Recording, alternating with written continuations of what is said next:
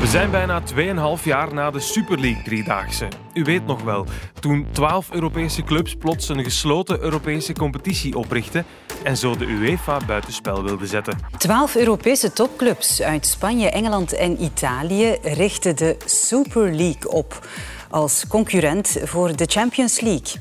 De nieuwe competitie is bedoeld voor de absolute eliteclubs. Die kunnen dan de inkomsten onder elkaar verdelen. Maar enkele dagen later bleef er nog weinig van over. Fans en analisten waren bijzonder kritisch. En Gary Neville was bijvoorbeeld eentje daarvan. I'm disgusted, absolutely disgusted. It's pure greed. They're imposters. En dus stapten alle Engelse clubs en drie andere teams uit het verhaal en zo bleven Real Madrid, Barcelona en Juventus nog over. De Super League die leek begraven. Maar nu, op donderdag 21 december, volgt er nog een staartje. Zeg maar staart. Want het Europese Hof van Justitie doet een uitspraak over het al dan niet bestaande monopolie van UEFA en FIFA als organisatoren van clubcompetities. Hallo. Ik begrijp dat het heel veel zakelijke en juridische informatie is die nu op je zal afkomen, maar deze materie bepaalt wel hoe het internationale voetbal er de komende decennia zal uitzien. Ik heb twee kenners voor dit onderwerp opgebeld. Enerzijds Willem-Alexander de Vlies. Ik ben Willem-Alexander de Vlies en ik ben sportadvocaat bij Edfield. En anderzijds bel ik ook met Thomas Peters, sporteconoom aan de Universiteit van Rotterdam. Thomas legt uit wat er concreet op het spel staat. De vraag is eigenlijk, is het geoorloofd dat UEFA dat monopolie heeft op die organisatie? En als dat geoorloofd is, in hoeverre mag ze ook maatregelen nemen om dat te beschermen? En dus bijvoorbeeld de dreigementen van UEFA in de naloop van de Super League-lancering dat ze spelers zouden uitsluiten van het EK bijvoorbeeld.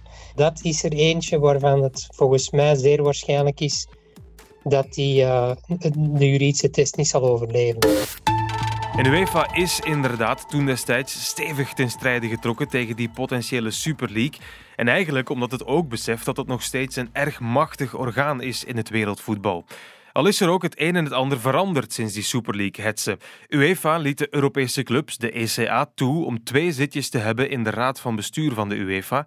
En het format van de Champions League is namelijk ook aangepast. We gaan namelijk van 32 naar 36 ploegen. En dat is in het voordeel van de grote landen die hun status meer verzilverd wilden. En door het nieuwe format komen er ook 64 wedstrijden bij. Meer matchen, meer tv-geld. Deelnemers zijn zo verzekerd van tientallen extra miljoenen per jaar.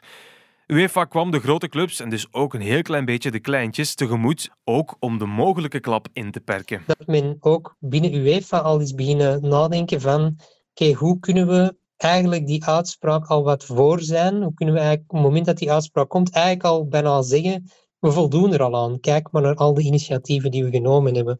En uh, dat is denk ik ook wel ergens de verklaring voor uh, de veranderingen die we gezien hebben in de Champions League en in de samenwerking tussen ECA en UEFA. Wat dat ook wel getoond heeft, denk ik ook aan een paar Amerikaanse eigenaars in de Premier League, is van ja, zo'n radicale verandering van vandaag op morgen in het voetbal, dat ligt politiek in Europa veel moeilijker dan je misschien vanuit Amerika zou verwachten. De Super League heeft dus al wat in gang gezet, maar dan wel wat UEFA zelf wil. Donderdag kunnen er heel andere wonden geslagen worden bij UEFA en bij FIFA. FIFA uh, heeft er zeker ook uh, belang bij. Het is, op dit moment hebben zowel FIFA als UEFA telkens een beetje een dubbele pet op van zowel uh, organisator van de wedstrijden, maar ook hebben ze uiteraard een groot commercieel belang bij die competities. Um, en het is die dubbele pet die vooral uh, problematisch is.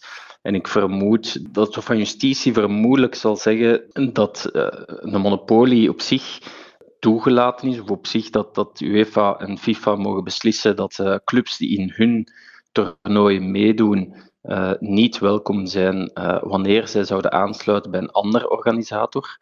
Um, maar uh, het zal, UEFA zal wel het pad openen voor andere organisators om nieuwe competities te organiseren. Willem-Alexander de Vlies ziet dus een potentiële poort die zal openen voor de Super League. Maar durven de Engelse clubs dat risico nog aan? Het antwoord, het mag u niet verbazen, ligt uiteindelijk in hun portefeuille. Ik denk dat het zeker nog zal kunnen. Hè. Uiteindelijk draait het allemaal om geld. Uh, en die clubs zullen ook bekijken op welke manier uh, zij het meeste geld binnenkrijgen. Zij moeten nu meestal heel veel van, uh, van de tv-gelden delen met andere kleinere clubs. terwijl in de vorm van een Super League zouden ze er allemaal, zouden die grote clubs er veel rijker van worden. Dus ik schrijf het zeker nog niet af. het zal niet evident zijn uh, voor een Super League uh, om opnieuw uh, opgericht te worden om fans aan te trekken en, en, en tv-gelden. UEFA zal dat niet zomaar laten gebeuren, maar ik schrijf het zeker nog niet af. En misschien is dat eerste idee van de Super League snel afgeschoten omdat het een gesloten competitie was, waar je niet uit kon degraderen of naar promoveren. Maar er zit volgens Thomas Peters wel een goed idee achter. Want zo'n Super League heeft wel potentieel. Um, in de zin dat er in Europa nu één keer heel veel geld wordt verdiend in Engeland bijvoorbeeld. Maar Wolverhampton is een minder interessante markt dan Amsterdam, Boekarest of Warschau. Dus in dat opzicht zou je zeggen, een competitieformat die interessantere clubs in interessantere steden kan plaatsen, is een goede en grote concurrent voor de dominantie van de Premier League. Dat was niet wat de Super League was, maar daar zit wel volgens mij het marktpotentieel om echt te zeggen van wat kan Europa als geheel, als je dan denkt van een soort Amerikaanse Major League in Europa, wat zou dat zijn?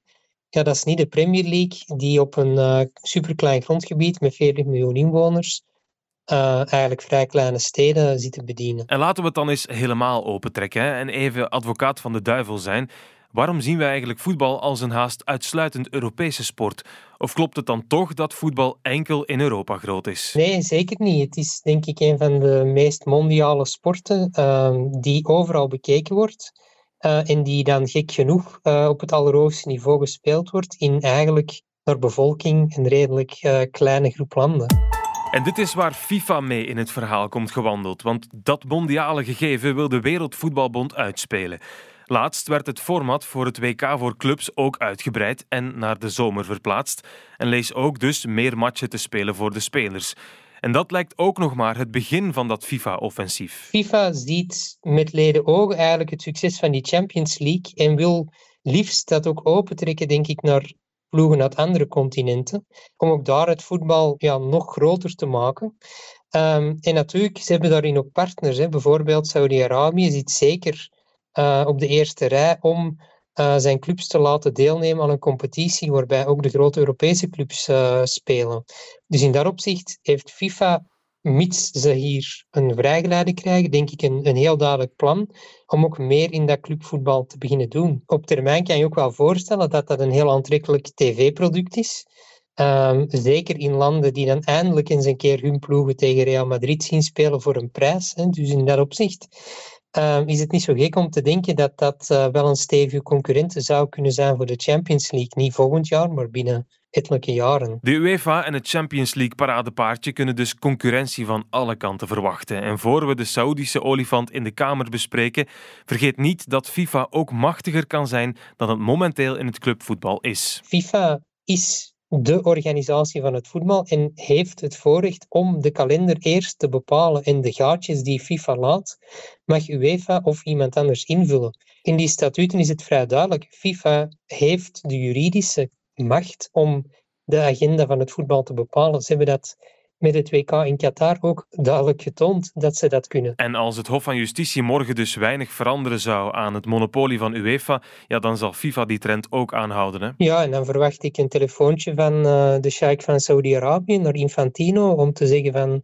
hé, hey, wij willen wel met enkele miljarden over de brug komen om dit product uh, groter te maken. En zo zou het eens kunnen dat niet de Super League, maar wel het WK voor clubs profiteert van de bom die in 2021 onder het voetbal werd gelegd.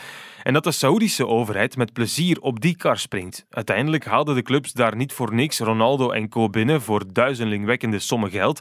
En zien ze ook zeker heil in een internationale competitie op te richten.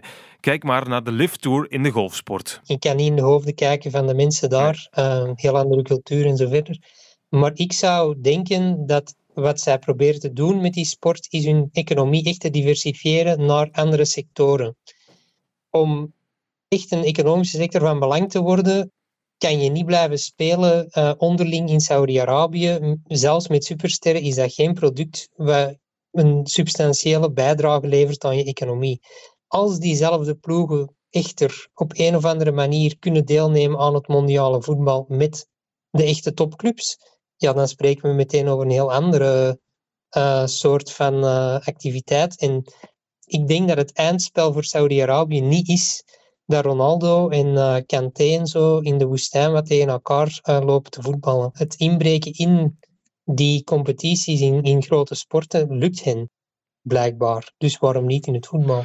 Dat zou me niet verbazen. Ik heb er zelf op dit moment nog niets uh, van opgevangen. Maar uh, als je inderdaad kijkt naar de andere sporten en hoe dat men op dit moment uh, al grote toppers naar Saudi-Arabië heeft gehaald, denk ik dat het zeker niet niet onbestaande is dat de clubs of, of, of de, de, federaties uit het Midden-Oosten zich zouden moeien om, uh, om mee in die Super League te stappen en zo uh, nog meer de Europese kijkers en het Europese fans en ook het Europese geld richting het Midden-Oosten te trekken.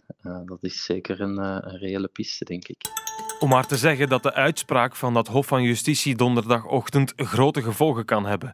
Een glazen bol die hebben we niet. Het kan twee kanten uitgaan, want er zijn signalen voor beide scenario's. Maar na lang wikken en wegen is Thomas Peters toch eerder overtuigd van een boodschap met slecht nieuws voor UEFA. De advocaat-generaal van het Hof heeft een opinie geschreven die erg pro-UEFA gelezen wordt door de meeste experts. Wat wil zeggen, UEFA heeft uh, die wapens nodig om de clubs in het gareel te houden en dat is voor de goede zaak. Dat was min of meer die opinie. Veel juristen denken echter, als ik met hen praat, dat het uh, toch eerder de kant op gaat van UEFA moet eigenlijk kiezen, willen ze de organisator zijn of willen ze de regulator zijn van het Europees voetbal. Ik denk dat ons geld eerder moet staan op toch ergens een beteugeling van de almacht van UEFA en FIFA in het uh, reguleren van voetbal. En dan krijgen we eerst en vooral wellicht opnieuw een erg defensieve Europese voetbalbond, zoals we die ook gezien hebben in 2021. Uh, wel, ik denk dat UEFA uh, zeker eerst, uh, eerst en vooral duidelijk een boodschap zal meegeven dat zij nog steeds achter haar competitie staat en dat zij het niet zal appreciëren als er clubs zullen overstappen naar een andere league, dat zij dan niet meer welkom zijn. Um, anderzijds, naar de toekomst toe, als er effectief zo'n Super League zou komen en eventueel andere competities, uh, is het misschien uh, wel mogelijk dat zowel UEFA en FIFA meer zullen terugvallen op hun oorspronkelijke rol, namelijk die van, uh, van regelgever. Want dat is een ander belangrijkste pet. En dat dat terug het belangrijkste aspect gaat worden, dat zij de, het voetbal regelen, de reglementen opstellen, en dat het organiseren met het doel om commercieel gewin uh, eruit te halen, uh, dat dat meer verspreid zal worden uh, naar, naar andere organisaties. Zoals de Super League bijvoorbeeld. Dat is wat er op het spel staat voor het internationale voetbal. Impact gaat de uitspraak van het Europese Hof van Justitie ongetwijfeld hebben. U leest, hoort en ziet er alles over hier bij Sporza. En morgen ben ik er opnieuw met een nieuwe daily. Tot dan.